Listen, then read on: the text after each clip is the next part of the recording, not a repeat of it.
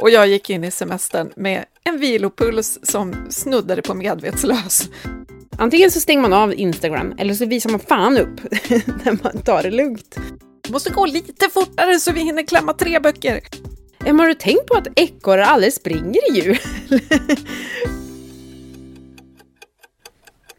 Hur har du det med tiden och tidsbristen och tempot just nu? Alltså jag är helt bäng i huvudet känns det som. Allting kommer ju på en gång vid den här tiden på året. Alltså, eh, vi spelar in det här i juni, eh, ska sägas. Och det enda man egentligen vill göra i hektiska juni är ju att ligga i hängmattan, ta in att det äntligen är sommar efter en lång, lång, lång vår och vinter. Och alltså, lukta på syrenerna och vara i nuet. Men syrenerna har ju blommat över på, för länge sedan och allt det där som man skulle ha gjort och odlat och sått och herregud, det är redan för sent. oh, och det är alldeles för mycket på jobbet. För att man ska jobba in någon form av sommar. Så ja, varför blir det så här varje år, Maria? Ja, är det mitt fel? Eh, Nej, men jag håller med dig. Eftersom vi, eftersom vi spelar in det här poddavsnittet i förväg så gör vi ju det här mitt i den mest hektiska jobbperioden på året. Och det är ju dessutom liksom inte det enda som händer just nu. Det är skolavslutningar, det är studentfiranden, det är odling och semesterplanering och midsommarfirande och typ tandläkarbesök. Varför ska de ske i juni? Och så ja, vidare. Februari var en bra månad för det annars. Ja, jag tänker det. Eh, ja, jag håller med om det där att njuta av juni. Det känns lite som en utopi. Eh, ja, helt klart. Det finns ju fler månader än juni på ett år, har jag hört. Ja, det gör det ju. Och det känns ju dessutom som att det inte bara är juni som är hetsig nu för tiden. Det är typ alla månader på året har ett lite orimligt tempo. Mm.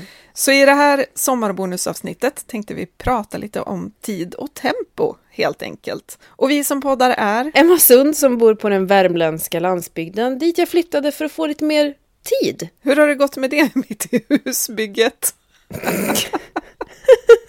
ja. ja, men det går, det, det, det är mycket nu. det är mycket nu. Och Maria Soxbo som har ägnat, ja, jag skulle vilja säga närmare 15 år av frilansande åt att försöka inse att när man är sin egen chef så kan man också bestämma sitt eget tempo. Mm. Det har inte hänt hittills, men jag jobbar på det. Eh, ja, men du, ska vi börja med det här att jobba in semestern? Det här konceptet. Ja, det känns verkligen som en liksom, bieffekt av det kapitalistiska systemet. Ja, jag levde ändå när det fanns ett skifte.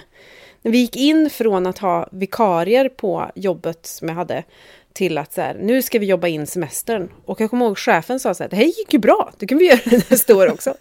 Jättemycket sparade pengar. Ja, alltså jag fick lära mig någon gång i början av min karriär eh, så var det någon som sa att alla skulle få minst tre sammanhängande veckor. För att man behöver tre veckors semester. Först en vecka för att komma ner liksom, i normal puls, mm. sen en vecka semester när man njuter och har det bra. Och sen en vecka av att liksom varva upp lite inför det kommande arbetsåret. Och då tycker jag det lät helt rimligt. Bara, ja, det är klart, man kan inte bara ha två veckors semester, för då blir det ju ingen semester. Eh, utan man måste ha tre. Och nu i efterhand så här, men det här låter ju helt sjukt. Så att tre veckors semester är egentligen en veckas semester. Gud vad deppigt. Ja, visst är det det. Och jag tänkte på det här med eh, under pandemin, eftersom du och jag förlorade ju alla våra eh, föreläsningsuppdrag och sånt över en natt. Eh, och jag korttidspermitterade mig själv en period för jag hade verkligen knappt någon inkomst. Mm. Eh, och det betyder ju att jag jobbade, jag kommer inte ihåg nu, men typ 50 procent eller 40 procent mm. eller något sånt där under ett antal månader. Och det var under en vår. Så att när det väl sen började närma sig sommar så hade jag jobbat halvtid typ. Mm. Juni var hur lugnt som helst. Och jag gick in i semestern med en vilopuls som snuddade på medvetslös. eh, och bara kände så här, gud vad härligt, första dagen på semestern, nu börjar semestern. Gud, jag har härligt. liksom inte så här dunkande puls i öronen, utan jag var helt utvilad, i balans, huset var ordnat och packningen var genomtänkt och oh. allt det där liksom. Och jag tänkte så här borde det ju alltid vara, att första dagen på semestern så är det verkligen semester. Mm. Man känner sig i, i fas. Liksom. Man rullar inte in på Brits i koma in i, i, i semestern. Med blåmärke i pannan för att man har kört rakt in i kaklet innan man åkte på semester. Åh herregud. Och det är ju sjukt såklart, och det ska ju sägas att jag fattar att jag var privilegierad för att alla hade verkligen inte den upplevelsen av pandemin. Nej, gud nej. Vårdpersonal till exempel, som hade den raka motsatsen. Men jag tyckte bara var en intressant upplevelse, även om jag- det ska ju sägas såklart att jag hade en viss stress för att man kan ju inte gå utan inkomst hur länge som helst. Mm. Men bara det där att jag startade varje dag med en morgonpromenad på typ en timme och sen vid tio typ satte jag mig ner vid skrivbordet och hade så här fräsch, utvilad hjärna, hade fått lite frisk luft och motion, hade kanske lite nya tankar som jag kunde börja jobba med. Jag tyckte det var super intressant upplevelse rent så här kroppsmässigt. Jag minns mest stressen över att inte ha jobb Ja. under, under pandemin. Jag minns liksom inte riktigt, jag tog inte de där morgonpromenaderna, promenaderna, det hade jag behövt göra. Men en sak som jag tycker är intressant nu, för nu har jag faktiskt efter tio år som frilans, eh, så har jag faktiskt blivit fast anställd, ja, tidsbegränsat fram till årsskiftet för ett projekt. Eh, inte heltid utan, utan eh, visstidsanställd. Mm. Och i, i kontraktet så står det ju att man, har, eh, att man ska ta paus 30 minuter.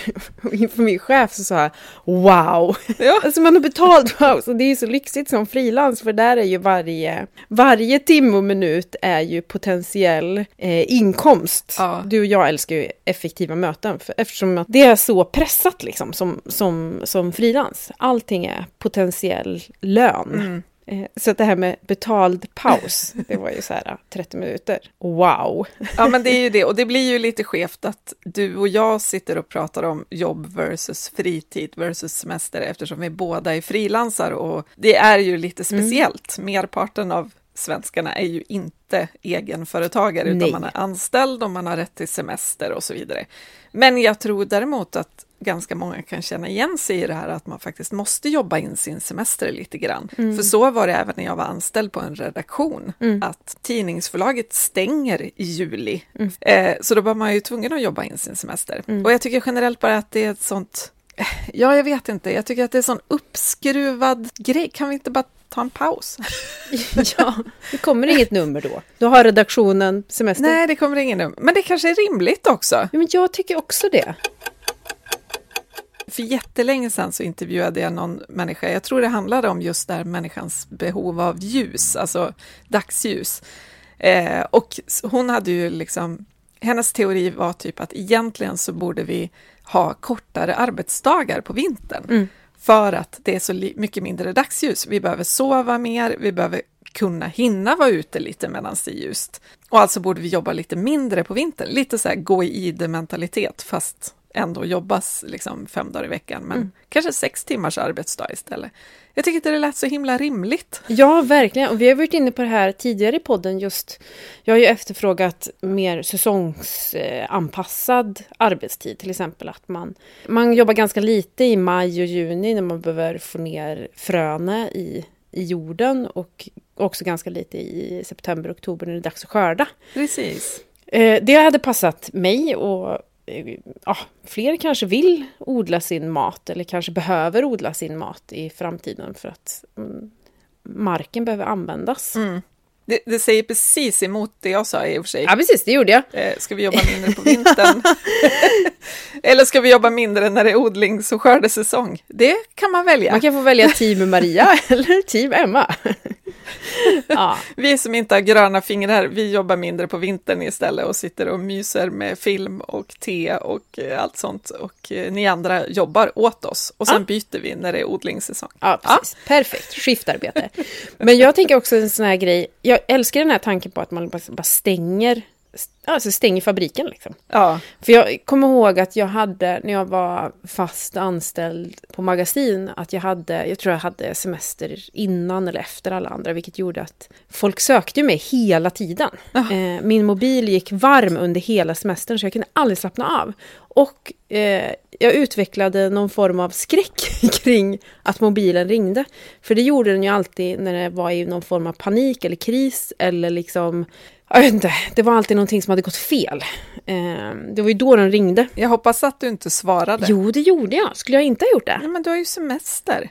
De får ju klara sig utan dig. Ja, men jag tänker att man var ju så jävla tacksam Ja, för att man hade vet. ett fast, fast anställd. Och det är ju det som är problemet. Man, det fanns ju alltid någon som stod i, i kön att ta ens jobb. Eh, och den känslan var ju väldigt påtaglig. Så det var ju, alltså jag svarade absolut och typ satte mig... Jag kommer ihåg någon gång så var jag någonstans, vid något ställe utan täckning med min kille. Bara, ah, jag ska försöka ladda upp den här grejen, jag måste bara åka till någonstans där det finns täckning. Och så, vet, så avbryter semestern. Så att, ja, det här med att vara frilans tycker ju jag är ganska skönt. Ja, jag tycker att det har varit svårt även som frilans just för att man vill inte heller gå miste om en potentiell uppdragsgivare som hör av sig för att fråga om man kan jobba i höst. Och om man då inte svarar i telefonen så ringer de en annan frilansare som får jobbet och så vidare. Ja, absolut. Men då får man skylla sig själv och det är helt okej. Ja, det är jag jag. tycker bara inte om den här känslan av att någon är arg på en på jobbet. Att eh, ens bild har hamnat på någon form av darttavla. Det är ju någonting som man också måste lära sig oavsett egentligen om man är anställd på, i någon form av kontorsjobb eller om man är frilans, att man måste också eh, våga värna om sin tid. Mm. Alltså våga säga att nej men jag kollar inte mejl efter klockan sex på kvällen utan då kollar jag nästa morgon när jag är tillbaka på jobbet. Mm. Istället för att kolla mejl på kvällen och sva- känna att man måste svara och så vidare. Världen går inte under för att en anställd person har semester och inte svarar i telefon. Jag tror att liksom. man får mer respekt av eh, när man sätter gränser. Att här börjar min tid och här slutar min Precis. tid. Det var faktiskt en chef som sa det till mig en gång. För jag tror att jag hade svårt att, att eh, förstå när liksom så här, eh, jag hade gjort mina hundår. Ja, ja. Jag, alltså, jag tror att jag fortfarande känner att jag, att jag gör mina hundår och liksom alltid ligger på minus. trots att så här, jag har, har, har ganska mång, mycket erfarenhet i bagaget. Alltså det där är så intressant. Man kanske borde få ett diplom, så här, examen. Nu har du gjort dina hundår. Nu kan du börja ställa krav. säga Ja, ifrån. precis. Ja, vi vet att du kan jobba över. Du behöver inte bevisa det varenda dag. Ja, men jag vet en person som eh, skaffade en typ sån här Nokia 3310 över sommaren. Alltså han var inte anträffbar på mail eller kunde knappt liksom följa någonting. Utan om man eh, ville söka honom så fick man ringa. Ja, det där är ju underbart. Vi känner ju också någon som alltid avinstallerar Instagram på sommaren till exempel. Ja. Fantastiskt. Jag, jag är nog kanske inte förmögen att göra det, känner jag. Däremot så, jag menar, apropå jobba in semestern. Du och jag driver ju bloggar sedan Mm. ungefär, jag vet inte, är det 70 år nu? Ja, Ungefär. Give or take, fem år. Ja. Och inför varje sommar så kände ju jag typ att jag borde jobba in min semester, alltså att jag borde förproducera en massa inlägg som pluttade ut var tredje dag under hela semestern, så att inte bloggen dog, för man lärde ju sig det att man måste ju uppdatera hela tiden, annars slutar ju folk att besöka bloggen. Och det var ju inte Mm. alls lite stress att först jobba in sin vanliga jobbsemester och sen dessutom producera fem veckors blogginlägg i juni. Mm. Nu struntar jag i det. Nu så jobbar jag fram till semestern på alla sätt och vis och sen skriver jag i bloggen att nu har jag semester, vi ses i höst. Gud vad skönt. Alltså det är verkligen så skönt. Sen förstår jag ju att, jag menar till exempel du som odlar mycket och sådär, det är ju då ni hittar content. Mm. Alltså det är ju då det finns extra mycket göttigt, bildvänligt content, till skillnad från februari, när det är mörkt och det är grått och det är slaskigt och det växer ingenting och så vidare. Det är lite kämpigare då, så är det ju för mig också. Ja. Men jag som mest skriver faktabaserade blogginlägg och liksom resonemang och sådär. För mig är det ju liksom ingen större skillnad egentligen att göra det i februari eller juli. Så därför kan ju jag stänga av. Ja, ja, det, det där är knivigt. Jag brottas med det där varje eh, sommar. Att det är som finast nu, man har som mest att uppdatera, men man har som minst tid att göra det också. Ja, men du får vända på det. det här, I februari får vi se dina juliodlingar, Ja. för det är kanske då vi behöver dem.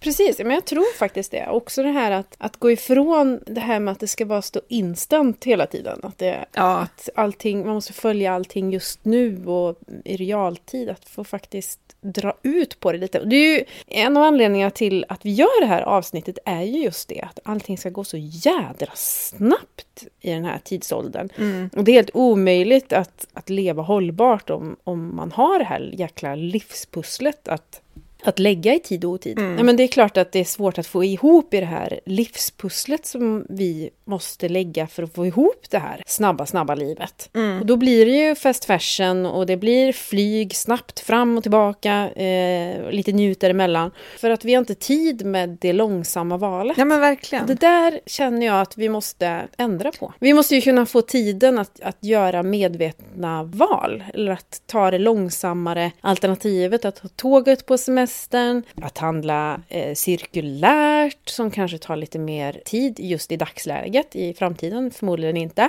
Ja, men att ett annat tänk liksom. För att få kunna göra alla de här vettigare valen. Och kunna påverka också samhället. För det behövs ju också en jädra massa tid för. Att jobba ideellt eller att liksom skriva medborgarförslag eller att tycka till kring liksom så här, hur, hur kommunen eller regionen för sin politik. Komma med idéer eller liksom roliga, spännande initiativ. Det krävs ju tid för Ja det men också. precis, och det, är ju, det handlar ju väl, alltså alla har ju 24 timmar om vi ska vara krass. Det är ju inte så att du är 18 och jag har 32. Nej, ibland känns det så i och för sig.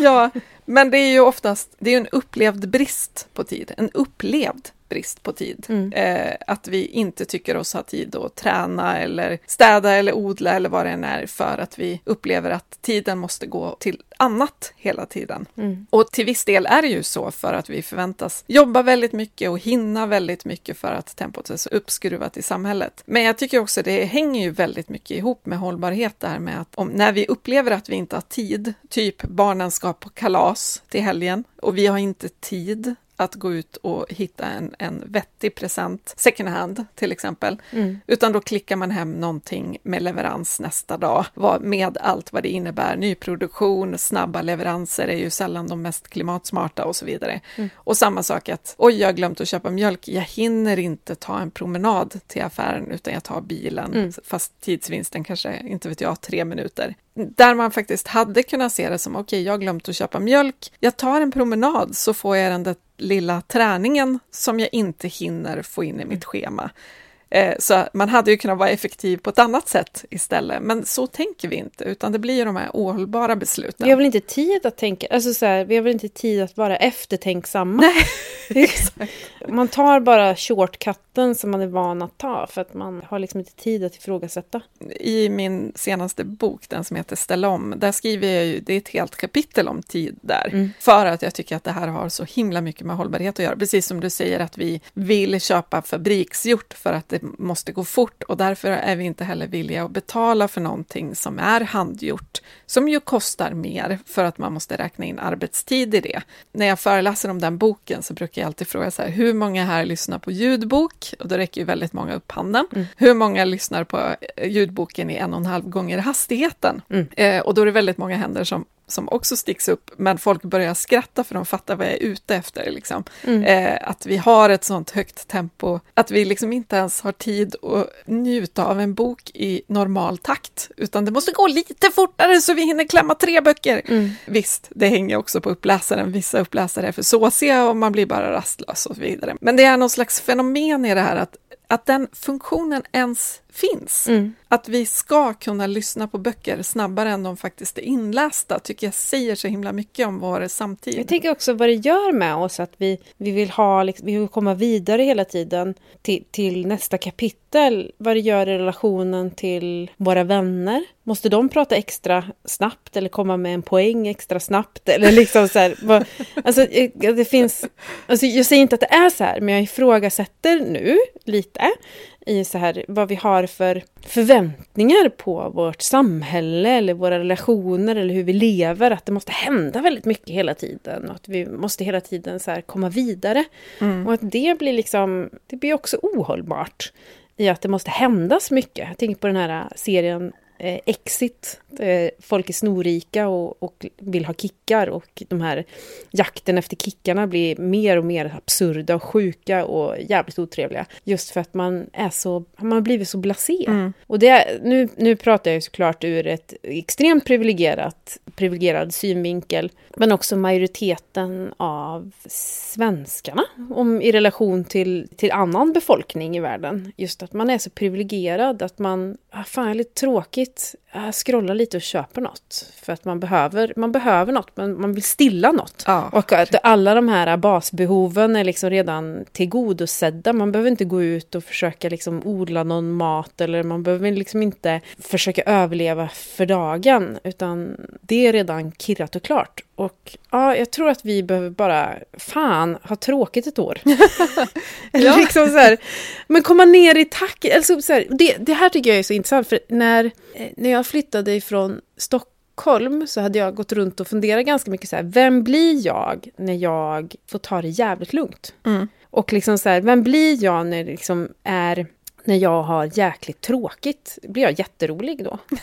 Så här, är- gör stressen att jag är bara en, en tråkig människa? Eller vem blir jag när jag får vara mig själv? När man inte liksom också stänger av så här, men yttre tyck och tänk och, och så här, förväntningar och så här. Vem blir jag som människa? Gud, det låter verkligen som att jag har 40-årskris. Men det, det, det, det finns någonting så här intressant i att tänka på när man liksom så här tar ett kliv från det här äh, spännande då, eller klassiska ekorrhjulet som man pratar om. Det, det här tycker jag är så intressant, för du skrev någon gång för länge sedan.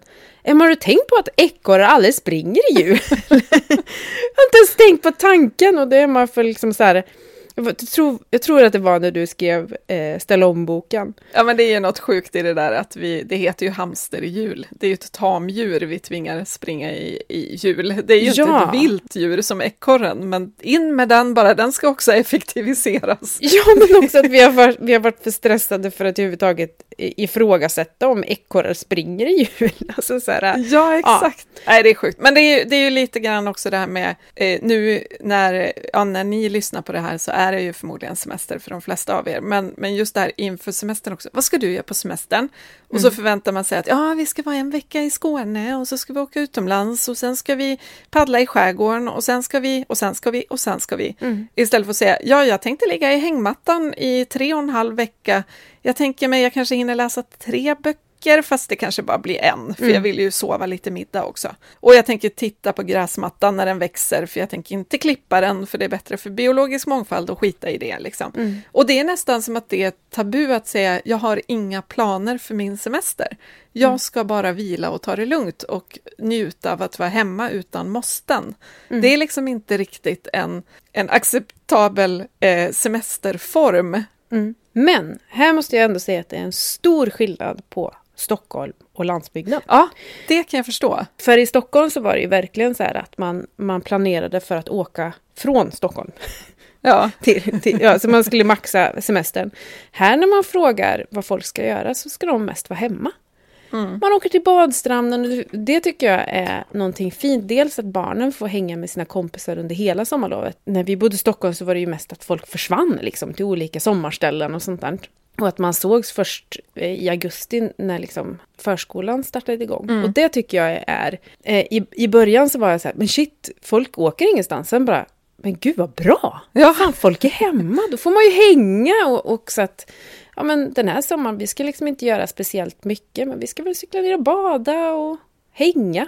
Jag kan tycka att det är ett lugnare tempo gällande just semestrarna. Jag tror inte det bara är stad och landsbygd, utan jag tror också att det har förändrats över tid. Att hur det var på 80-talet och hur det är nu är inte heller samma sak. Nej, gud nej. Oavsett vart man bor. Liksom. Nej, precis. Allt det här är väl egentligen ett tecken på samma sak, att vi har byggt ett samhälle som snurrar snabbare än vad kroppen egentligen klarar av. Och det är därför vi pratar om ekorrhjul och det är därför vi har så mycket stress och utbrändhet och sånt. Man kan inte leva ett liv i 1,5 gånger hastigheten hur länge som helst, för då går något sönder till slut. Verkligen. Jag tycker också intressant eh, kopplingen till klimatförändringarna, att vi går in liksom i ett varmare eh, skede pö om pö. Det blir varmare och varmare. Jag har få missat. Men att i, jag hörde på nyheterna tror jag det var att i Spanien, där man märker av klimatförändringarna mer än vad man gör här i Sverige, så pratar man om att reglera arbetstiden. Att det ska bli olagligt att jobba när det är för varmt. Mm. För att eh, den mänskliga kroppen är liksom inte gjord för det. Och det är också intressant i koppling till tid och eh, klimatförändringar och arbetstid framförallt då. Är att vi kanske inte kan jobba i den takt som vi har gjort tidigare i framtiden. För att det är på vissa ställen för varmt för att jobba. Ja, siesta är ju ändå ett, ett begrepp som har funnits hur länge som helst, att man faktiskt tar en paus mitt på dagen när Ja. det är som allra varmast. Precis, det kanske blir liksom lite förlängning av det. Mm. Men det hade man ju hoppats kunna få till utan klimatförändringar. hade Ja, jag kanske önskat.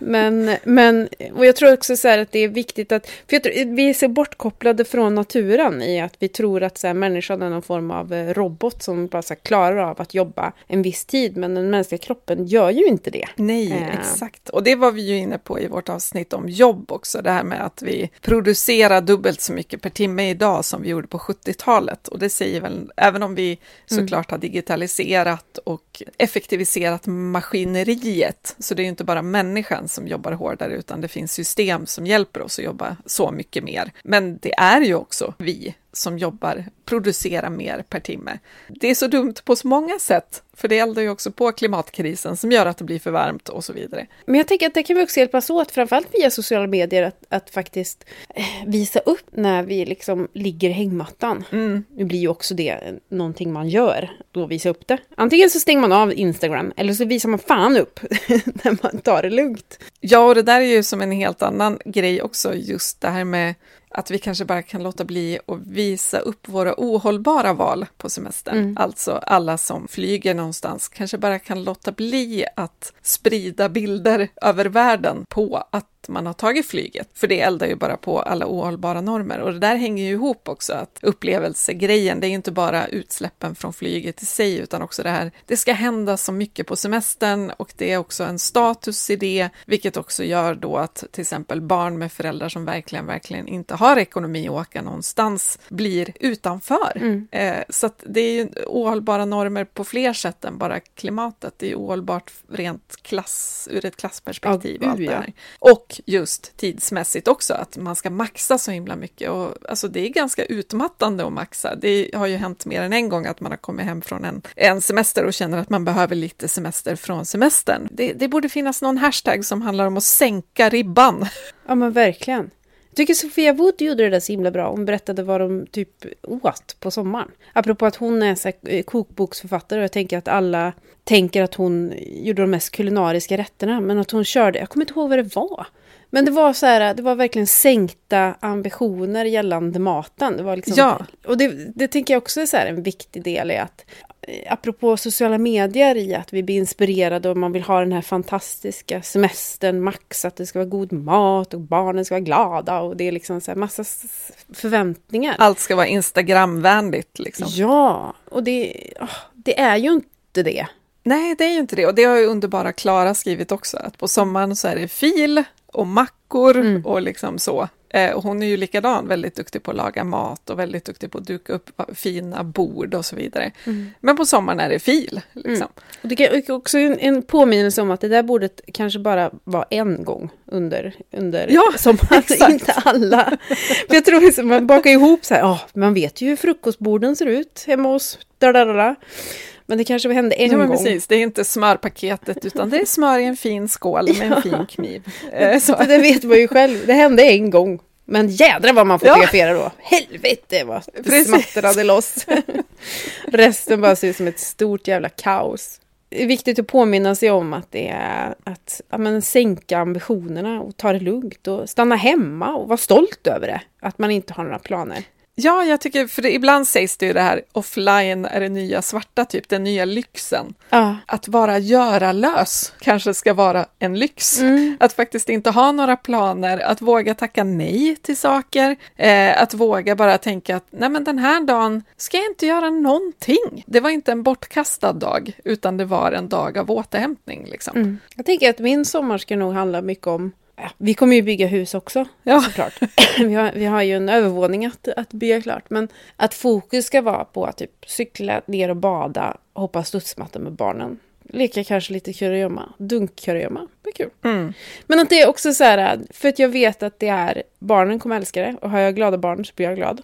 Livet blir så mycket enklare då. Precis. Men jag tycker allt annat är en fet bonus. Och apropå några kompisar som var de hade haft en körig vår och bara kände sig helt slut. Så att alla såna här inbjudningar till någons födelsedagsfest eller vad det nu var, eller att folk sa ska du inte komma hit på besök? De bara, ja men nej, vi säger nej till allting, men allting, om, om vi kommer blir en bonus för att vi behöver ta det väldigt, väldigt lugnt. Ja, så bra att säga det alltså. Ja, och vara så här, uttalet är så här, vi har haft det fruktansvärt körigt, vi behöver liksom återhämta oss. Så att om, om vi vill jättegärna komma, alltså jag, vanliga jag hade sagt ja på en gång, men vi behöver återhämta oss och allting annat blir en bonus. Att, att göra det, för att man vill ju att ens kompisar ska hålla. Ja, Man vill ju inte att det ska vara på, på liksom bekostnad av deras hälsa, man vill ju att de ska hålla länge. ja. Och mer, så, mer sånt, sån här ärligt bara, eh, ja, kanske.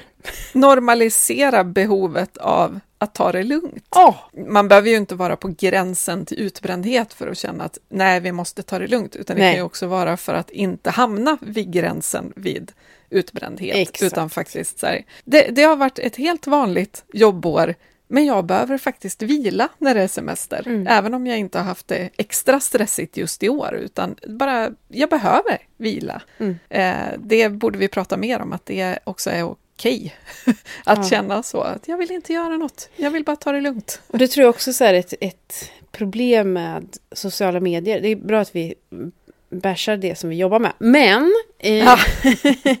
men är att, att man lägger, all, man lägger liksom ofta upp saker när det händer, händer saker. När man reser någonstans eller när man gör någonting. Snarare Ja. än att, när man inte gör någonting. Men det kanske vi ska bli bättre på. Och det är generellt, tycker jag, är en poäng. Alltså det är ganska härligt att ha bilder på en helt vanlig lat söndag på balkongen också. Ja. För den var ju härlig i sig, men den fastnar ju sällan på bild, så den finns liksom inte i minnenas arkiv. Nej. De där händelselösa söndagarna, så vi kanske faktiskt borde unna oss att ta fram kameran även på sådana dagar, bara för att också få en lite mer balanserad bild av vad livet var. Det var inte bara fem veckor av maxat, utan det var också en helt vanlig så här mars-onsdag, Mm. när det inte hände så mycket. Eh, det är ju också livet, liksom. det är inte bara de där maxade dagarna som är livet. Mer regniga tisdagar med Uno. Eller patiens då. Ja, Man behöver inte ens ha sällskap. nej, man behöver inte ha sällskap, för det är ju också en grej.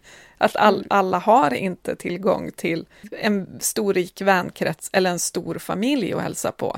Att allas, allas eh, förutsättningar inför en semester ser väldigt olika ut också, både ekonomiskt och socialt. Ja, ja men så är det.